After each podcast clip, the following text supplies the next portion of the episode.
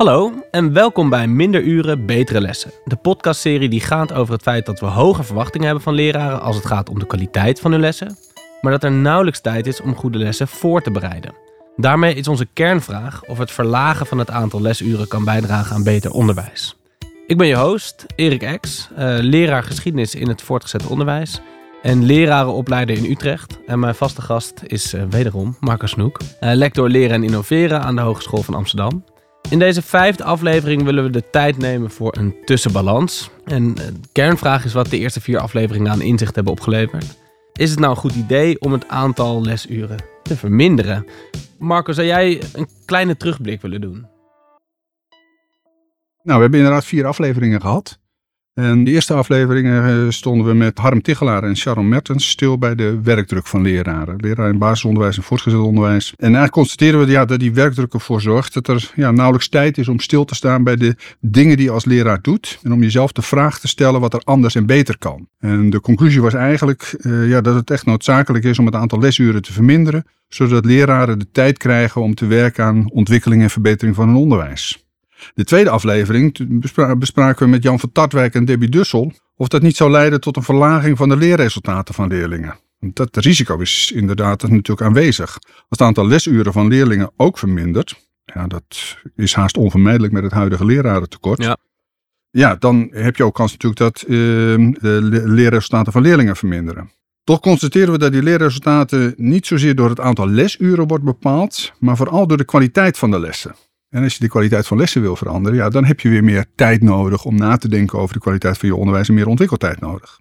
In de derde aflevering gingen we in gesprek met Ida Oosterheert en Richard van den Berg over de vraag welke ondersteuning is er nodig voor leraren en lerarenteams om samen aan de slag te gaan met de ontwikkeling van goed onderwijs. En daarbij gaat het niet alleen over ontwikkeltijd, maar ook om ondersteuning vanuit een aantal experts in de school, vanuit de leraaropleiding, bij het werken aan het ontwikkelen van onderwijs.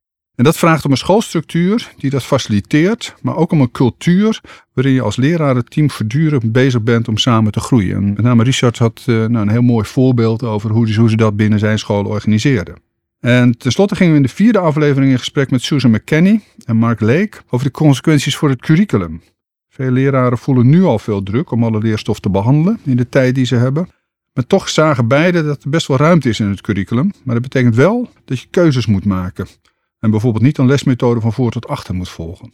We hebben dus eigenlijk al heel veel behandeld. Uh, tijd om inderdaad even een tussenbalans op te maken. Als je dit alles nu bij elkaar neemt, wat voor plaatje ontstaat er dan? En uh, we gaan dat niet met z'n tweeën doen. Uh, Marco, we hebben zelfs drie gasten vandaag. Welkom allemaal. Ehm, allereerst Daniel van Middelkoop. Jij bent lector samenwerkende professionals aan de Hogeschool van Amsterdam. Je houdt je bezig met vraagstukken rond samenwerking van professionals in teams, in uitlopende sectoren. Uh, dat biedt de mogelijkheid om ook eens wat breder te kijken dan het onderwijs. Um, maar Daniel, kan jij jezelf eerst even wat verder voorstellen en aangeven wat drijft jou nou in je werk? Ja, natuurlijk, dat doe ik graag. Uh, leuk om hier te zijn. Uh, ik ben dus lector samenwerkende professionals. In ons lectoraat doen wij veel actieonderzoek, omdat wij geloven in de kracht van professionals. En denken dat die heel belangrijk zijn voor de kwaliteit van het werk. Actieonderzoek? Actieonderzoek betekent eigenlijk dat je de praktijk bestudeert, net als elke onderzoeker dat doet, maar ook probeert tegelijkertijd de eh, praktijk te verbeteren. Wij begeleiden dus bijvoorbeeld teams, soms zijn dat docenten, soms zijn dat teams in andere sectoren. En we proberen eigenlijk wat wij met een mooi woord het handelingsvermogen uh, noemen van teams. Dus lukt het je om te handelen en zelf richting te geven aan dat handelen. Dus kan je goed onderwijs bieden bijvoorbeeld. En wat is daarvoor nodig? we proberen dat niet alleen te bestuderen van hebben we nu veel of weinig handelingsvermogen, hebben we veel te zeggen als docenten. Maar we proberen dat ook over de looptijd van een jaar actief te verbeteren. Uh, en door die teams te begeleiden, die docenten te begeleiden, maar ook monteurs in een energiecentrale bijvoorbeeld, leren we over wat daarin wel en niet werkt. Om uiteindelijk die positie van die professional, die uiteindelijk hè, de docent voor de klas, die het uiteindelijk moet doen, ja, om die te helpen om zijn werk uh, zo goed mogelijk te doen. Ja.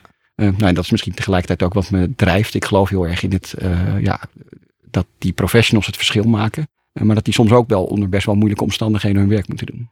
Dankjewel, Daniel. Tweede gast is uh, Jan-Paul Beekman. Je bent rector bestuurder van het Spinoza Lyceum en Spinoza 21st. Uh, verantwoordelijk voor twee Dalton VO-scholen, dus in Amsterdam.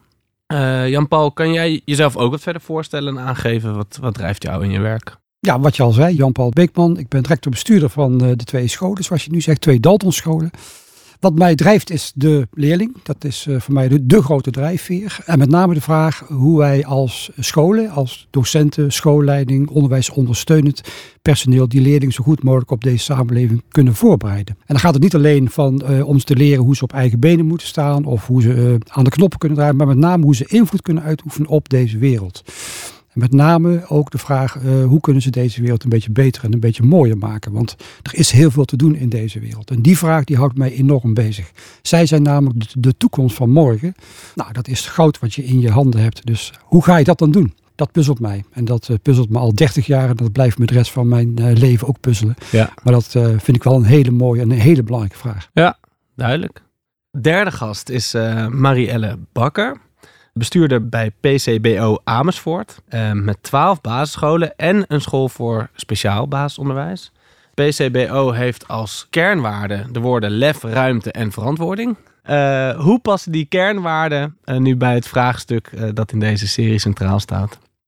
kan je jezelf ook nog wat verder voorstellen en aangeven wat, wat drijft jou nou? Ik ben Maria de Bakker, inderdaad werkzaam als bestuurder samen met mijn collega Erik van Lingen bij PCBO Amersfoort. Ja, we hebben diverse scholen uh, qua omvang en, en weging en populatie.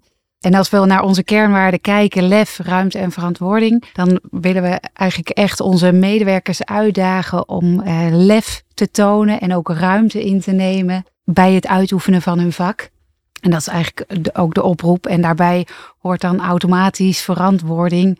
Ja, om ook weer verantwoording af te leggen over dat wat je met elkaar doet en bereikt.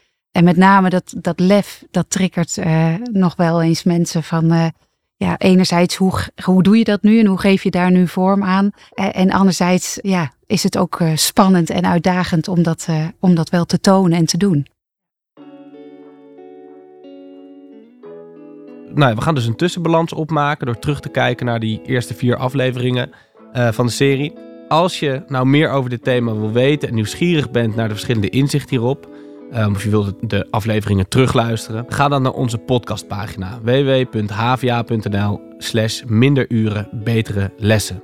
En natuurlijk zijn we ook heel benieuwd naar jouw opvattingen als luisteraar rond dit vraagstuk. Dat kan je doen uh, via de LinkedIn-pagina waar je kan reageren. En uh, dan kunnen we daar in de volgende aflevering eventueel op terugkomen. Uh, ja, nou Marco, je hebt natuurlijk bij alle afleveringen aan tafel gezeten. Wat voor, wat voor plaatje ontstaat er nou voor jou tot nu toe? Want het is ook een soort lopend onderzoek dit, hè? Ja, dat klopt. We zijn dit natuurlijk gestart met ja, ook de bedoeling van... kunnen we nou wat meer zicht krijgen op dit hele vraagstuk? Ja. Ja, en ik, ik denk als ik naar die vier afleveringen kijk... dat ze veel kleur hebben toegevoegd eigenlijk aan die oorspronkelijke vraag. De, de vraag die we stelden was geen neutrale vraag. Als ik zie hoe ja, we eigenlijk voortdurend steeds meer verwachtingen bij, bij leraren neerleggen ten aanzien van hogere leeropbrengsten of uh, het verminderen van kansenongelijkheid of het, inzetten van ICT in het onderwijs of het gebruik van uitkomsten van onderzoek of het verbeteren van je eigen professionele kwaliteit. Allemaal thema's waar ik zelf ja, in mijn lectoraat ook weer aan bijdraag en, en ook weer meer dingen toevoeg en dergelijke. Ja, en als ik dan kijk naar de dagelijkse realiteit van leraren, dan, ja, dan denk ik dat we leraren eigenlijk enorm aan het overvragen zijn. Het past eigenlijk gewoon niet in de tijd die leraren hebben. En ja, ik zie gewoon dat dat aan alle kanten leidt tot frustratie. Uh, en natuurlijk is ja, de leraar de centrale sleutel als het gaat om onderwijskwaliteit. Maar dan ja, kunnen we niet alleen aandacht hebben voor die kwaliteit van de leraar zelf, maar dan zullen we ook moeten kijken naar de condities waaronder leraren hun werk kunnen en moeten doen. Nou, en dat was eigenlijk het startpunt van, de, van deze hele podcastserie. Ja, hoe kunnen we de condities zo maken dat de opgave voor leraren meer realistisch wordt?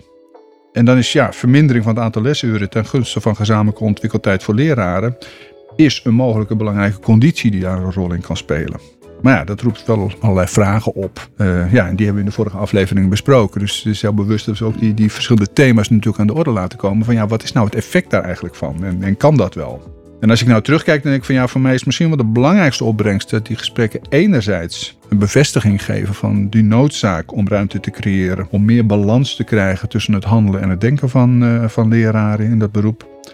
Maar anderzijds uh, hebben die gesprekken ook wel inzicht gegeven in condities die nodig zijn om te voorkomen dat minder lesuren niet ten koste gaat van de leerresultaten van leerlingen. En misschien vooral wel voor uh, de leerlingen die meer ondersteuning nodig heb, hebben. Dus Ja, de vermindering van het aantal lesuren alleen is niet een oplossing. Uh, er komt meer bij kijken om ja, een cultuur en een context te creëren waarin leraren met elkaar voortdurend bezig zijn met het ontwikkelen van hun onderwijs. En ja, ik denk die, die condities die maken dat tot een forse uitdaging. En tegelijkertijd eh, vind ik wel het bemoedigende van die vier, uh, vier afleveringen dat we ook een aantal hele mooie voorbeelden hebben gezien van hoe dat, hoe dat vorm kan krijgen. Dus nou ja, het, vraagt veel van scholen, maar er zijn ook scholen die, erin slagen om dat te doen. En ik denk dat dat ook ja, inspiratie kan geven om te zeggen van oké, dit zijn handvatten die we moeten aangrijpen. Um, laten we naar onze gasten gaan. Daniel, ik zou graag met jou willen beginnen. In je lectoraat ben je bezig met de vraag wat, er nodig is uh, voor samenwerking tussen professionals. En volgens mij is het ook al in een eerdere aflevering aan bod gekomen. Het concept trage tijd. Het komt van jou. Nou, ik heb het niet zelf bedacht. Dat is uh, Joke Hermsen. Maar ik heb er wel oh, dankbaar gebruik van gemaakt. Toen is het via uh, Marco in, uh, in de podcast gekomen. Maar het is een mooie term, trage tijd. Absoluut. kun je het toelichten? Waarom, waarom is het belangrijk? Ja, trage tijd is overigens een term die uit de tijd van de oude Grieken komt. Dus hij gaat al heel lang mee. Um, het is eigenlijk de tijd die ja, een beetje tegenovergesteld is van de kloktijd. De kloktijd is waarin we zo efficiënt mogelijk dingen willen doen. We hebben onze takenlijst, we hebben bepaalde dingen te doen. Daar hebben we x tijd voor. En aan het eind van de dag zijn, hopen we onze takenlijst af te hebben. Er is niks mis met kloktijd, maar die hebben we wel de afgelopen decennia heel erg centraal gesteld. Hè. Dus we zijn steeds meer nadruk gaan leggen op efficiënt werken. Het nadeel daarvan is dat die trage tijd in de verdringing komt. En die trage tijd is de tijd waarin je niet een vaste agenda hebt, niet een hele harde deadline, maar wel de tijd waarin je tot een nieuw idee komt. Dus trage tijd is cruciaal, maar hij voelt, en nu ga ik misschien meteen een beetje verder op je vraag, hij voelt voor heel veel mensen, omdat we het zo druk hebben, bijna een beetje als spijbelen tegenwoordig.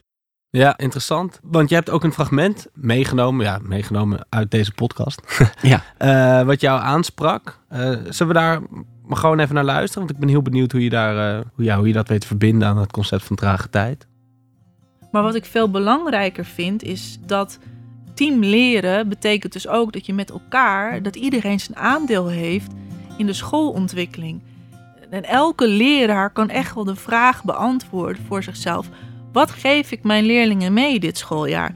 En alleen al die vraag stellen aan collega's en daar met elkaar over gaan hebben en dan je expertise delen en dan oefenen, ja, dan ontwikkel je jezelf als school zijn. En het vraagt dus soms heel veel geduld.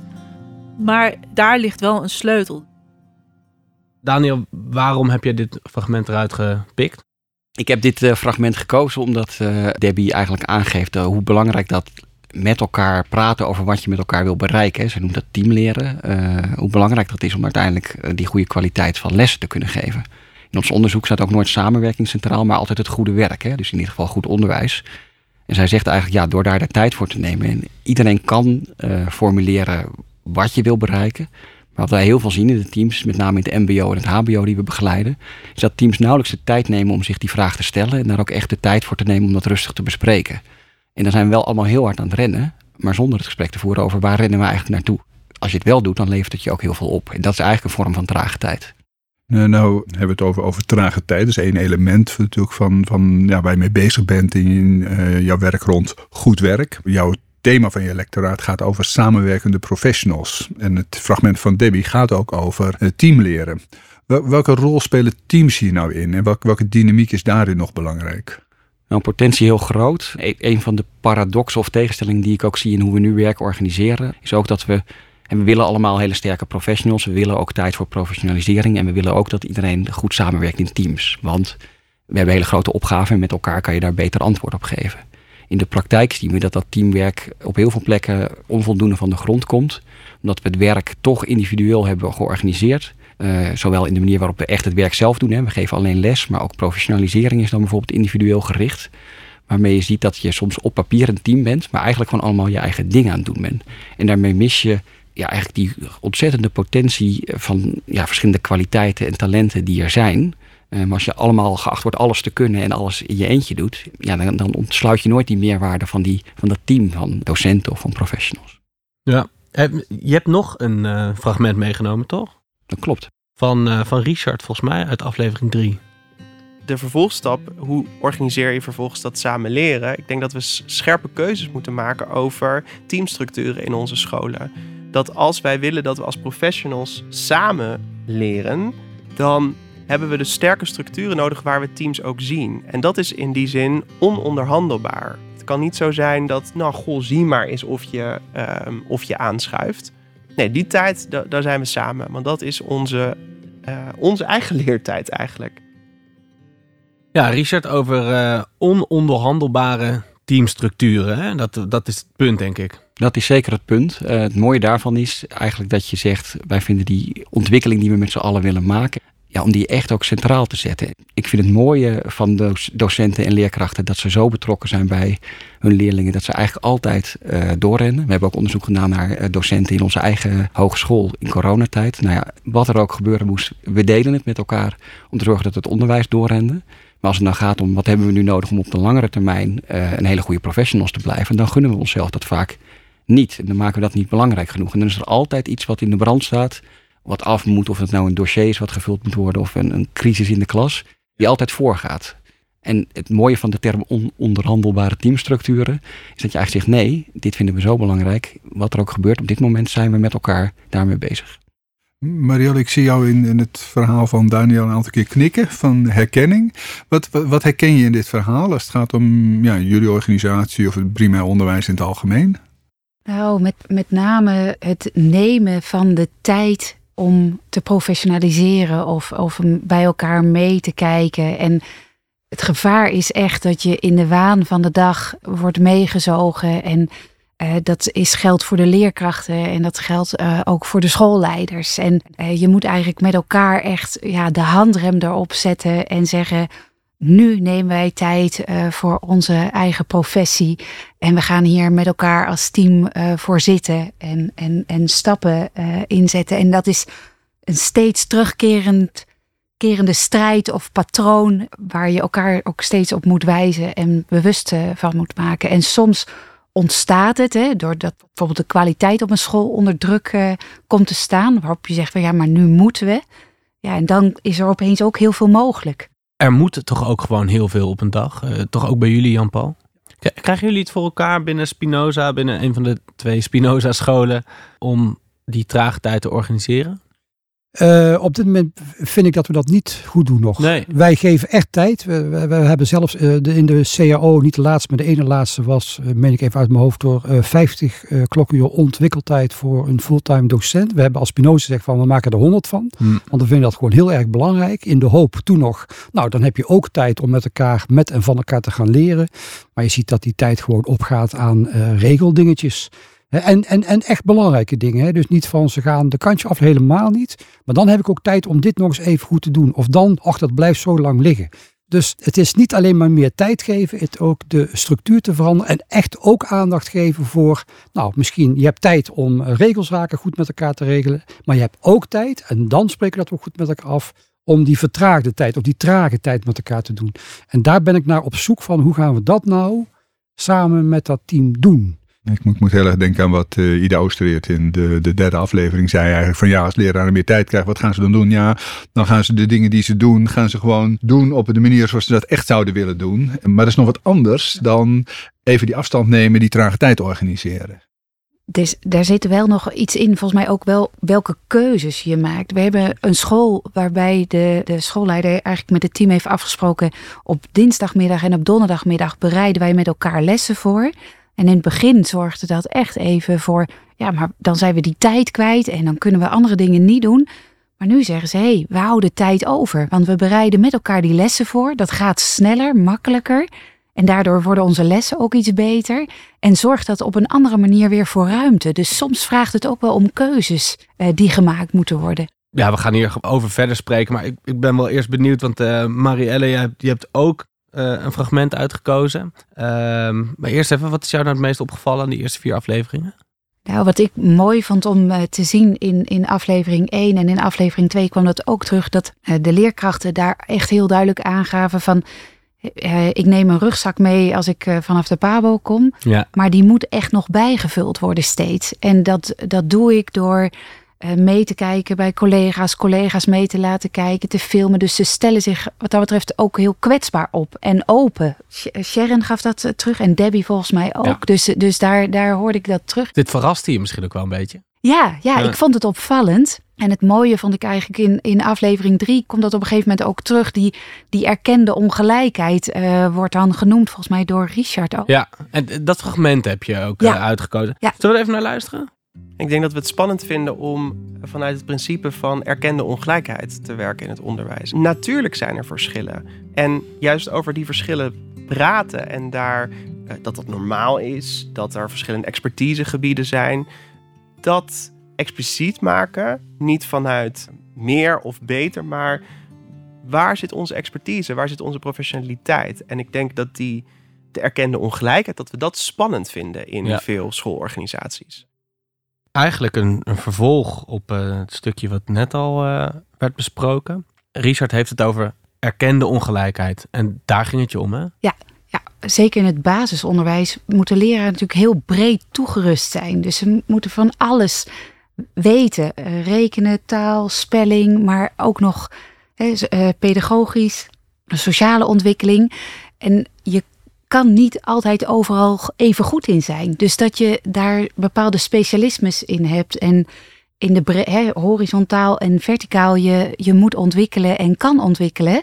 En dat we dat met elkaar bespreken en delen eh, binnen de schoolteams, dat is echt belangrijk. Vraagt het dan ook niet van, eh, zeker in de, die context van het basisonderwijs, waar je toch eigenlijk die groepsleerkracht centraal hebt staan, eh, een heel andere manier van nadenken over het organiseren van je scholen. Als je zegt van ja, leraren kunnen niet meer specialist zijn op al die verschillende domeinen.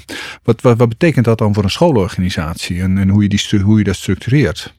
Ik, ik denk dat het echt heel waardevol is om te werken met specialisten.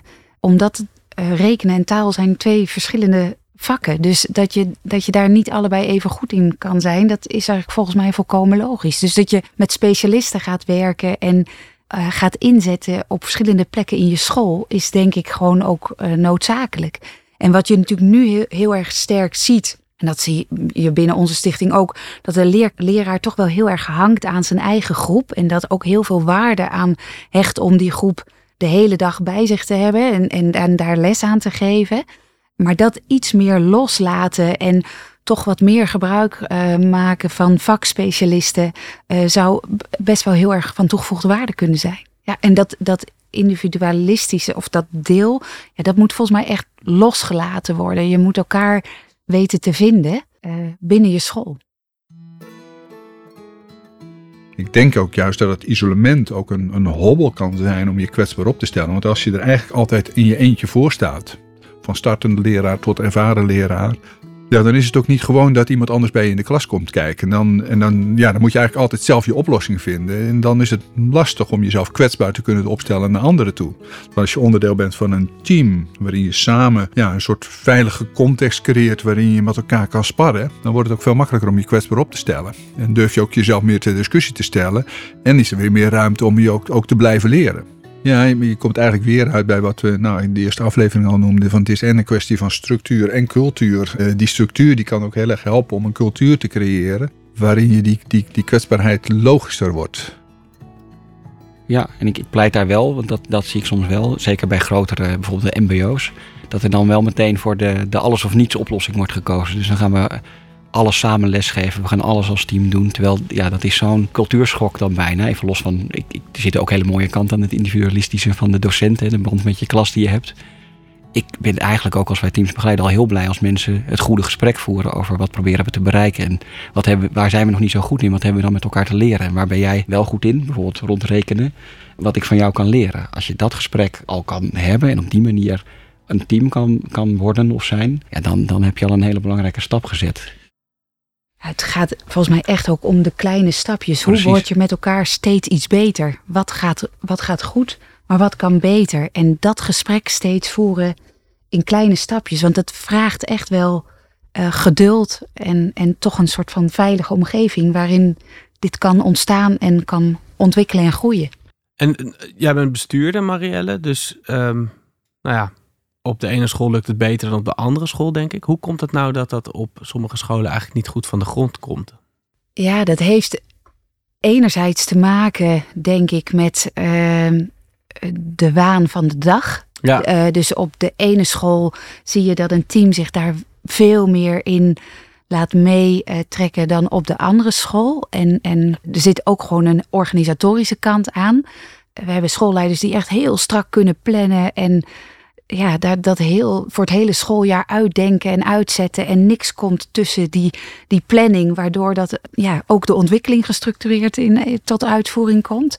Maar ook de cultuur binnen een team. Uh, ja, hoe lang werkt het team al samen?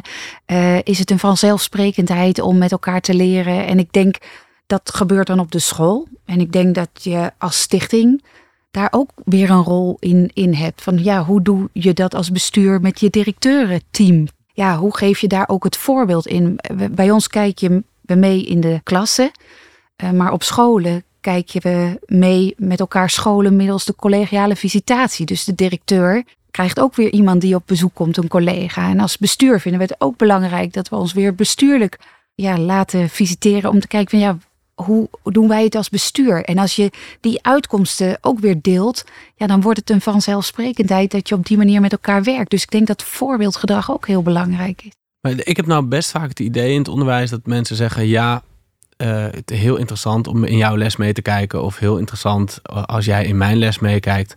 Maar uiteindelijk, ja, wat ga ik nou precies, wat gaat het nou precies opleveren? Het kost me een uur tijd om in jouw les mee te kijken. Maar in, die, in dat uur kan ik ook twee van mijn 23 klusjes doen. Ik ben het met je eens als je uit het niets met elkaar meekijkt en het nergens aan toetst, ja, dan levert het je ook niet op wat je, wat je wil. Dus het vraagt ook wel dat je er van tevoren over nadenkt van, ja, wat is mijn leervraag en waar wil ik feedback op hebben? En, en dat ook op een goede manier bespreken. Dus niet zeggen van, hé, hey, je hebt een goede les en wat leuk uh, dat je dit en dit zo toepaste. Ja, dat, dan is het zonde. Is er niet ook een gezamenlijk idee veel meer nodig wat een goede les eigenlijk inhoudt. Ja, je hebt natuurlijk ook gewoon de kwaliteitscriteria van de onderwijsinspectie. Dus als we het over pedagogisch didactisch handelen hebben in combinatie met rekenen, dan koppelen we die twee aan elkaar en ja, wordt op die manier de les beoordeeld. Maar dat vraagt wel voorbereiding. Mm ik vond die vraag, Erik, die jij stelde interessant. Van, eh, ja, voeren we dan het gesprek over wat is dan een goede les? En ik denk wel dat je dat gesprek veel meer moet voeren. En misschien niet per se met geeltjes en heel abstract, maar gewoon... Eh, ja, deze klas, we zien gewoon dat die niet de resultaten haalt die we willen. Wat is hier nu de beste les? En ja, breng dan eens al je expertise en kennis bij elkaar en kijk wat werkt en wat je kan bedenken. Dat gesprek vindt heel weinig plaats. Is dat wat je bedoelt met die term goed werk? Ja, goed werk, ook niet zelf bedacht is van meneer Gardner heeft dat bedacht. Dat is uh, werk van de hoge kwaliteit, dus technisch excellent noemt hij dat. Het is werk wat betekenisvol is. Nou, dat is bij docenten over het algemeen geen enkel probleem. En het is werk waar je voldoening uit haalt. Dat zijn eigenlijk de drie kenmerken van goed werk. En als het je dus ja, niet lukt om die resultaten uit de klas te halen, je krijgt ze niet waar je zou willen dat je, dat je ze heen krijgt. Het begint wel bij vaststellen, ja, wat is nou goed werk? Wanneer ben ik tevreden? Wat is de ontwikkeling? Volgens mij kwam het ook langs in een van de vorige sessies. Wat, wat, ja, wat wil ik nu bereiken met deze klas? En als ik er dan niet uitkom, ja, dan heb ik mijn collega's nodig. Hè? En teams functioneren ook vooral goed als duidelijk is waarom je je teamleden nodig hebt. Als dat niet duidelijk is, dan is het inderdaad een vrijblijvend bezoek van, oh, er komt iemand in mijn klas kijken. Wat fijn, dat had ik zelf ook al een beetje bedacht. En weer terug naar de orde van de dag. Hey, en Jan-Paul, een vierdaagse schoolweek. Uh, Mark die daarover spreekt. En dat fragment heb je ook uh, uitgekozen. Zullen we daar eerst even naar luisteren? Maar mijn leerkrachten kwamen op woensdag gewoon naar school. En die hadden dan een leerlingvrije dag. Uh, waarop ze zelf, maar ook met elkaar aan het werk konden met het verbeteren van het onderwijs. in het SBO heb je veel te maken met duo's. dus twee leerkrachten voor een, voor een klas. En wat wij deden, die twee leerkrachten op één woensdag samen naar school laten komen. Eh, en met elkaar konden werken aan deels aan de overdracht van wat heb jij nou gezien en um, wat kan ik eh, de rest van de week uh, anders doen of beter doen of kan ik die informatie gebruiken om mijn les goed, uh, goed te doen. Maar zij konden ook samen ontwikkelen. Jan-Paul, vierdaagse schoolweek? Ja, wat mij betreft wel. Maar dan ook hier wel even, dat hoor, ik, dat hoor je ook zeggen, toch even die, die structuursplitsing. We maken tijd om uh, dingen af te ronden, om het even goed voor elkaar te krijgen. Dat je ook die rust vindt om met elkaar te leren. dus, dus, dus ik denk dat dat wel dat echt nodig is. Tegelijkertijd is ook de complexiteit. Ik zeg de methodes waar we mee te maken hebben. Ik zeg dat maar, want ik merk ook dat docenten daar wel heel erg van afhankelijk zijn. Dat maakt het lastig. Ik vond de Teachers Tab wel heel indrukwekkend. Die vraag die jij stelde van God, als je nou minder lessen zou geven, eh, zou je dan toch de kwaliteit van wat je aanbiedt of moet aanbieden nog wel uh, stand kunt houden? Um, nou, even uit mijn hoofd, 35% zei, nou, ik denk er wel dat dat kan. 10% zei, nou, ik zeg niet gelijk dat kan, maar ik wil er best eens over, over nadenken. En de helft ongeveer, die zei, nou, dat zie ik helemaal niet zitten. Ik heb dat toevallig vandaag in mijn team bij de opening van, uh, van het jaar ook gezegd. Nou, dit, is, dit vind ik toch eens, dit wil ik met jullie delen. Want stel nou, daar ga ik even vanuit dat dit een soort spreiding is wat ook onder mijn team, onder jullie heerst. Dan moeten we het met elkaar daar eens over hebben. Want schijnbaar zijn er dus leraren onder ons die daar wel degelijk mogelijkheden toezien, waardoor we met elkaar wellicht die ruimte kunnen vinden om die tijd wel te kunnen vinden. Ik vond dat wel een hele mooie, mooie uitslag. Het heeft me wel aan het, aan het denken gezet. Maar Jan-Paul, jij bent de baas. Ja. Voer het in. Ja, dat kan. Uh, ik ga het invoeren op het, uh, op het moment dat we met, met elkaar het ook aandurven. Want daar, ja. daar zit nu wat. We durven het gewoon nog niet aan. Daar moet je lef voor hebben. Die lef die hebben we wel. Maar we moeten ook een stukje vertrouwen hebben dat als we dit doen, dat het ook wel goed komt. En dat vraagt ook wel wat. Dat vraagt een gesprek. Dat vraagt uh, met elkaar er goed over hebben aan de voorkant. Als ik dit uit ervaring gewoon morgen doe, dan gaat dat niet in één keer goed. Ja. Marielle? Ik ervaar die ruimte om dat te doen minder. Uh, ook op basis van gewoon wet en regelgeving. En waar je moet verantwoorden en dat ook echt, echt expliciet moet aanvragen. En het tweede, wat ik ook wel merk, is dat bij mij binnen de organisatie zijn ook nog de directeuren en de leerkrachten, die staan er nog niet zo open voor. Die zeggen, ja, we willen echt meer tijd voor professionalisering. Dat staat buiten kijf. Maar het moet niet ten koste gaan van de tijd die naar onze leerlingen toe gaat. Dus daar ja, zet je jezelf een soort van klem. Maar wat als je dat tegen ze zegt? Van jongens, we zetten onszelf klem. Ja, dan, er komen wel alternatieven. Ja. Dus dan zeggen ze van, ja, dan zouden we toch meer met vakleerkrachten willen werken. Misschien toch een stukje hè, af en toe onbevoegde voor de klas die bijvoorbeeld thema's als burgerschap gaan behandelen. Dus ze zijn echt ook wel op zoek naar alternatieven om die ruimte te creëren. Want die ruimte vinden ze belangrijk. Um, dus ze zijn dan wel op zoek naar alternatieven. Uh, maar ze willen niet dat de leerling minder naar school komt. Nee, Oké, dus misschien even de, de, nuance hier. Want kijk, het gaat er mij om dat je die docenten een dag in de week de ruimte geeft om met elkaar te leren. Wil niet zeggen dat die leerlingen dan allemaal thuis moeten zitten. Want ga, ik ga kijken, wat kunnen die leerlingen dan doen? Nou, ook daar moet je met andere vormen bedenken. En ik denk dat er steeds meer uh, wat jij ook zegt, de onderwijsassistenten, uh, wellicht ouders die wat met de taal kunnen doen, de baasvaardigheden, taal rekenen. Zet, uh, zet ouders in. Ik, volgens mij kun je daar heel veel mee gaan doen. Nou, dan kunnen die kinderen, en ga ook voor het stukje maatwerken. De ene leerling heeft veel meer lessen en veel meer nodig dan de andere. Dus ga ook kijken, zou je daar ook niet wat, wat kunnen gaan doen? Ik moet denken aan een van de reacties die via LinkedIn binnenkwamen. Die was van Irene Koning. Uh, ze vroeg zich eigenlijk af van hoe nou die relatie is tussen de lestijd van leraren en de op schooltijd van leerlingen. En nou ja, als we het zo hebben over de vermindering van het aantal lesuren, is ja, misschien wel een van onze valkuilen zelf. Dat we te veel in dat stramien zitten van onderwijs wordt bepaald door lesuren die leraren geven. En dat zet natuurlijk die leraar heel centraal. En dus aan ene kant natuurlijk terecht, want ja, dat is een van de, de, de, de, de sleutelfactoren in het leren van leerlingen. Dus de vraag is inderdaad of er niet andere mogelijkheden zijn om anders na te denken over dat leren van leerlingen. Ja, misschien ook op momenten dat er geen bevoegde leraar bij is. Nou, voor een aantal mensen is dat vloeken in de kerk, uh, onbevoegde leraren. Maar je, je, hebt een Daltonschool, ja. uh, dus dat betekent dat jullie veel ruimte creëren voor zelfwerktijd van leerlingen. Creëert dat nou meer ruimte voor leraren om met ontwikkeling aan de slag te gaan? Of ja. met, met, met collega's aan de slag te met gaan? Met name als ik bij Spinoza 21st kijk, hebben wij veel minder leraren nodig dan dat we dat gemiddeld zouden doen als we gewoon normale lessen zouden geven. Dus de onderwijsassistenten die zijn massaal inmiddels binnengekomen. En, en die worden ook min of meer opgeleid door de docenten om bijvoorbeeld het onderwijs in de eerste, tweede klasse te kunnen geven. Bevoegd? Nee. Bekwaam? Zeer. Um, en ik denk dat dat ook de toekomst gaat worden, want dat leraartekort zal ons in deze richting duwen. Dus maar alleen maar goed, denk ik, als je dat nu gaat oppakken. En dan heb je echt veel minder docenten nodig. Maar je staat wel een heel mooi team wat aan die leerlingen kan bieden wat ze volgens mij echt nodig hebben. Wat op de universiteit ook is, tenminste in ieder geval was in mijn tijd, dat de prof, daar had je dan de colleges van. Ja. En de werkcolleges, dat werd dan door tweede, derde jaars studenten gedaan. Dat was voor mij vroeger een uitstekend baantje ook. Uh, en wij werden opgeleid door die prof om uh, nou, een bepaald onderdeel van die stof te kunnen behandelen.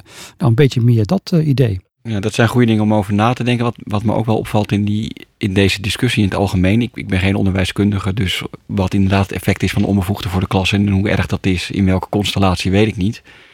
Wat me wel opvalt is dat we hebben een groep professionals, docenten, die, leerkrachten die ontzettend onder druk staan.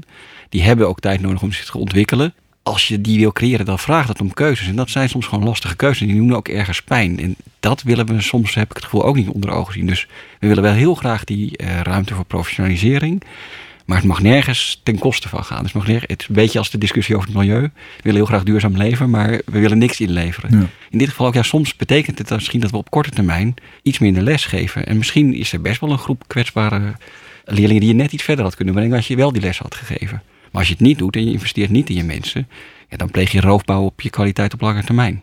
Dus ja, dat is een moeilijke keuze, maar wel eentje die je moet maken. Ja. En ik denk dat het het vak ook aantrekkelijker maakt als er meer ruimte is voor professionalisering en doorontwikkeling en het onderwijs geven en ontwikkelen echt weer centraal staat. Dat dat ook weer in het kader van het lerarentekort zorgt voor meer mensen die toch de sector weer in willen. Dus het, snij, het mes snijdt volgens mij aan twee kanten. Enerzijds aan je onderwijskwaliteit en anderzijds aan het aantrekkelijk maken van het vak.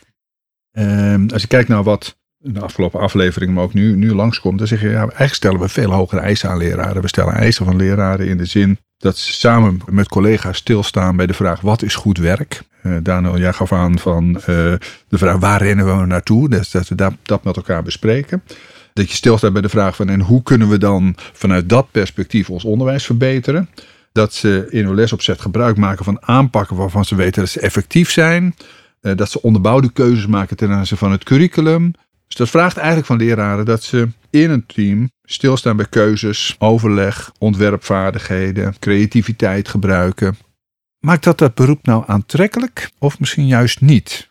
Ja, het mooie is wat je eigenlijk wat je beschrijft. Ja, dat zijn hoge eisen. Als je kijkt naar de literatuur over wat is een professional, dan is het precies wat je nu zegt. Hè? We hebben een gedeelde professionele standaard. Dus we zijn met elkaar eens over wat we proberen te bereiken en wat zijn dan effectieve manieren om daar te komen.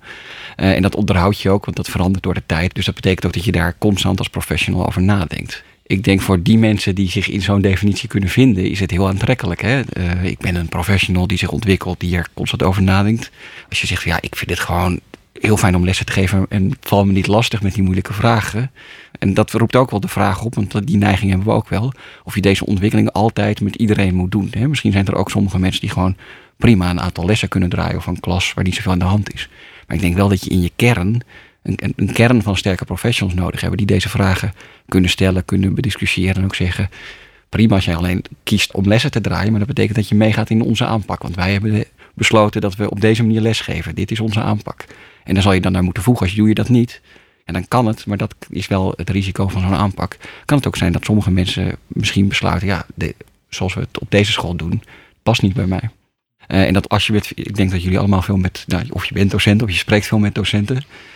Ja, de meeste zijn dat toch leerkracht of docent geworden. Ja, toch vanuit een soort roeping of, of motivatie, omdat je jongeren wil helpen. Dus je moet zo'n goed werkdiscussie ook helemaal niet heel abstract maken. Het gaat over jouw klas, over jouw leerlingen die je verder wil helpen. En je zoekt naar de beste manier om dat te doen. Als je hem op die manier hebt en, en je hem ook niet te groot. Van je moet nu een 180 graden andere professional worden. Maar we gaan stapje voor stapje, wat we eerder zeiden, daaraan werken. Dan denk ik toch dat je de meeste leerkrachten Terwijl het soms op woensdagmiddag bedenkt, ja, ik heb er geen zin in. Maar uiteindelijk levert het je denk ik wel veel op. In de meeste gesprekken die wij met teams hebben, is bijna nooit tijd om het goede gesprek te voeren over, uh, over het werk en over het onderwijs. Maar als we het gevoerd hebben, is het bijna altijd wat fijn dat we eindelijk weer eens dit gesprek hebben gevoerd. Ja, maar het risico is dat de vermindering van de onderwijstijd gebruikt wordt vanwege een, uh, ja, uh, opgesnoept wordt door het tekort aan leraren. Maar niet leidt tot ontwikkeltijd, tot trage tijd voor leraren. En die discussie over ja, onderwijstijd eh, en het aantal lesuren, ja, die, die speelt altijd. We hebben eh, een aantal jaren geleden een Tweede Kamer die een uitspraak doet van we moeten naar minder lestijd toe. Eh, er zijn onderzoeken geweest, er zijn experimenten geweest. Tussen gebeurt er niet zo ontzettend veel. Wat is er nou nodig om in Nederland hier nou echt een beweging te maken? Of moeten we gewoon wachten tot een bestuurder, als Jan-Paul zegt: Oké, okay, we hebben het met elkaar besproken, we gaan het nu gewoon doen? Hoe voorkom je nou dat er een paar plekken zijn waar iemand lef heeft om dat te doen, maar dat we het echt als een structureel iets organiseren in het Nederlands onderwijs? Wat is nodig? Marielle? Ik denk ook dat er op, op sommige punten ook soms toch meer geld nodig is. Als ik nu kijk hoe bij ons op sommige scholen die NPO-middelen zijn ingezet. Die zijn echt heel doelbewust ingezet om ontwikkeltijd te creëren en ruimte te creëren. En op sommige plekken zie je dat ook echt ontstaan en tot stand komen. En ik ben het met je eens. Het lerarentekort is echt een risico wat speelt als je kijkt naar die tijd vrijmaken voor die ontwikkelmogelijkheden van die leerkrachten. Want wij zien bij ons ook nog wel eens dat de NPO-middelen dan toch die docent die overloopt om iedereen uh, bij te spijken op het gebied van rekenen, dan toch even voor die klas staat waar de leraar ziek is. Enerzijds dus een klein beetje vet op de botten. En aan de andere kant ook gewoon keuzes maken en keuzes durven te maken en dan daar ook aan vasthouden. Want als we alleen maar tijd vrijmaken en blijven doorwerken op de wijze zoals we dat nu doen, en geen rekening houden met die cultuur die er zit, dan gaan we het ook niet bereiken. Daniel, hoe ziet de toekomst volgens jou eruit? Ja, ik, ik ben heel erg eens met het feit dat, dat het onderwijs ook wat meer uh, vlees op de botten, of hoe jij het, uh, verdient. Tegelijkertijd denk ik wel, gezien het lerarentekort, dat voor de voorziene toekomst er een periode van krapte zal blijven. Hè? Dus ik denk dat je dat was ook mijn, dat is mijn oproep eigenlijk aan professionals zelf. Ja, ik noem het constructief verzet durf ook die ruimte te claimen voor je eigen ontwikkeling en, en durf die trage tijd te claimen. En ik denk dat de bestuurders, eh, teamleiders, eh, wie daar allemaal over gaan, hebben een hele belangrijke rol in de condities. Want als, als er überhaupt geen, er nergens in de ruimte, hè, je, wordt gewoon geacht les te geven. En dan is er überhaupt geen mogelijkheid tot trage tijd. Maar ook als we hem wel hebben, gaan we hem toch vaak invullen met die 23 dingen. En dan moet je ja, eigenlijk jezelf gunnen om te zeggen: nee, deze tijd was voor die lessenontwikkeling. Of voor nadenken over wat ik aan het eind van het jaar met mijn klas behaald heb. En voor mij is wel weer een element van het constructieve verzet. Dat wordt pas effectief als je het met elkaar doet. En, dat is, en dan kom je weer op dat teamaspect uit, denk ik. En nee, dat is voor mij wel een beetje de, de rode draad in het verhaal. Is eigenlijk dat perspectief van die professional, die leraar als professional, wat dat vraagt. Um, dus eigenlijk op het moment dat je zegt als leraar, ja, wij, wij willen meer ontwikkeltijd, ja, dan, dan daar zit iets tegenover. Dus een beetje wat, ik zit even te denken aan de, de, de kernwaardes die, uh, Marielle, die jullie hebben. Dat is ruimte, dat is lef, dus je hebt het lef om ruimte te pakken. Maar die derde is verantwoording. Dus dat je ook weer verantwoording aflegt over hoe je dat doet. En dat je dat onderbouwd doet. Misschien is dat ook, ja, ook de, de rode draad tussen uh, in dit verhaal. Ik vond het wel mooi, we, we starten met nou, dat handelingsvermogen wat jij noemde, Daniel. Het ging over dat lef als kernwaarde bij jullie, Marielle. Um, en Jan-Paul, jij had het eigenlijk over die, die, die waarde van uh, dat Dalton-onderwijs. Dat je vrijheid hebt ook in het nadenken over je eigen betekenis geven uh, in de wereld. Nou, ik denk voor mij zijn al die drie elementen heel sterk met elkaar verbonden in dit gesprek. Nou, wat betekent dat voor volgende afleveringen, Marco? Wat we voor de volgende aflevering willen doen, is toch even een heel ander perspectief. Uh, we willen dus eigenlijk in gesprek gaan met leerlingen. Of oud-leerlingen. Van hoe kijken jullie nou eigenlijk aan tegen lestijd? Wat zou er gebeuren als je minder lestijd hebt? Hoe zou je dat ervaren? Dus dat is in ieder geval wat we volgende keer uh, willen doen. Dat gaat vast, een, uh, vast weer een heel interessant nieuw perspectief opleveren.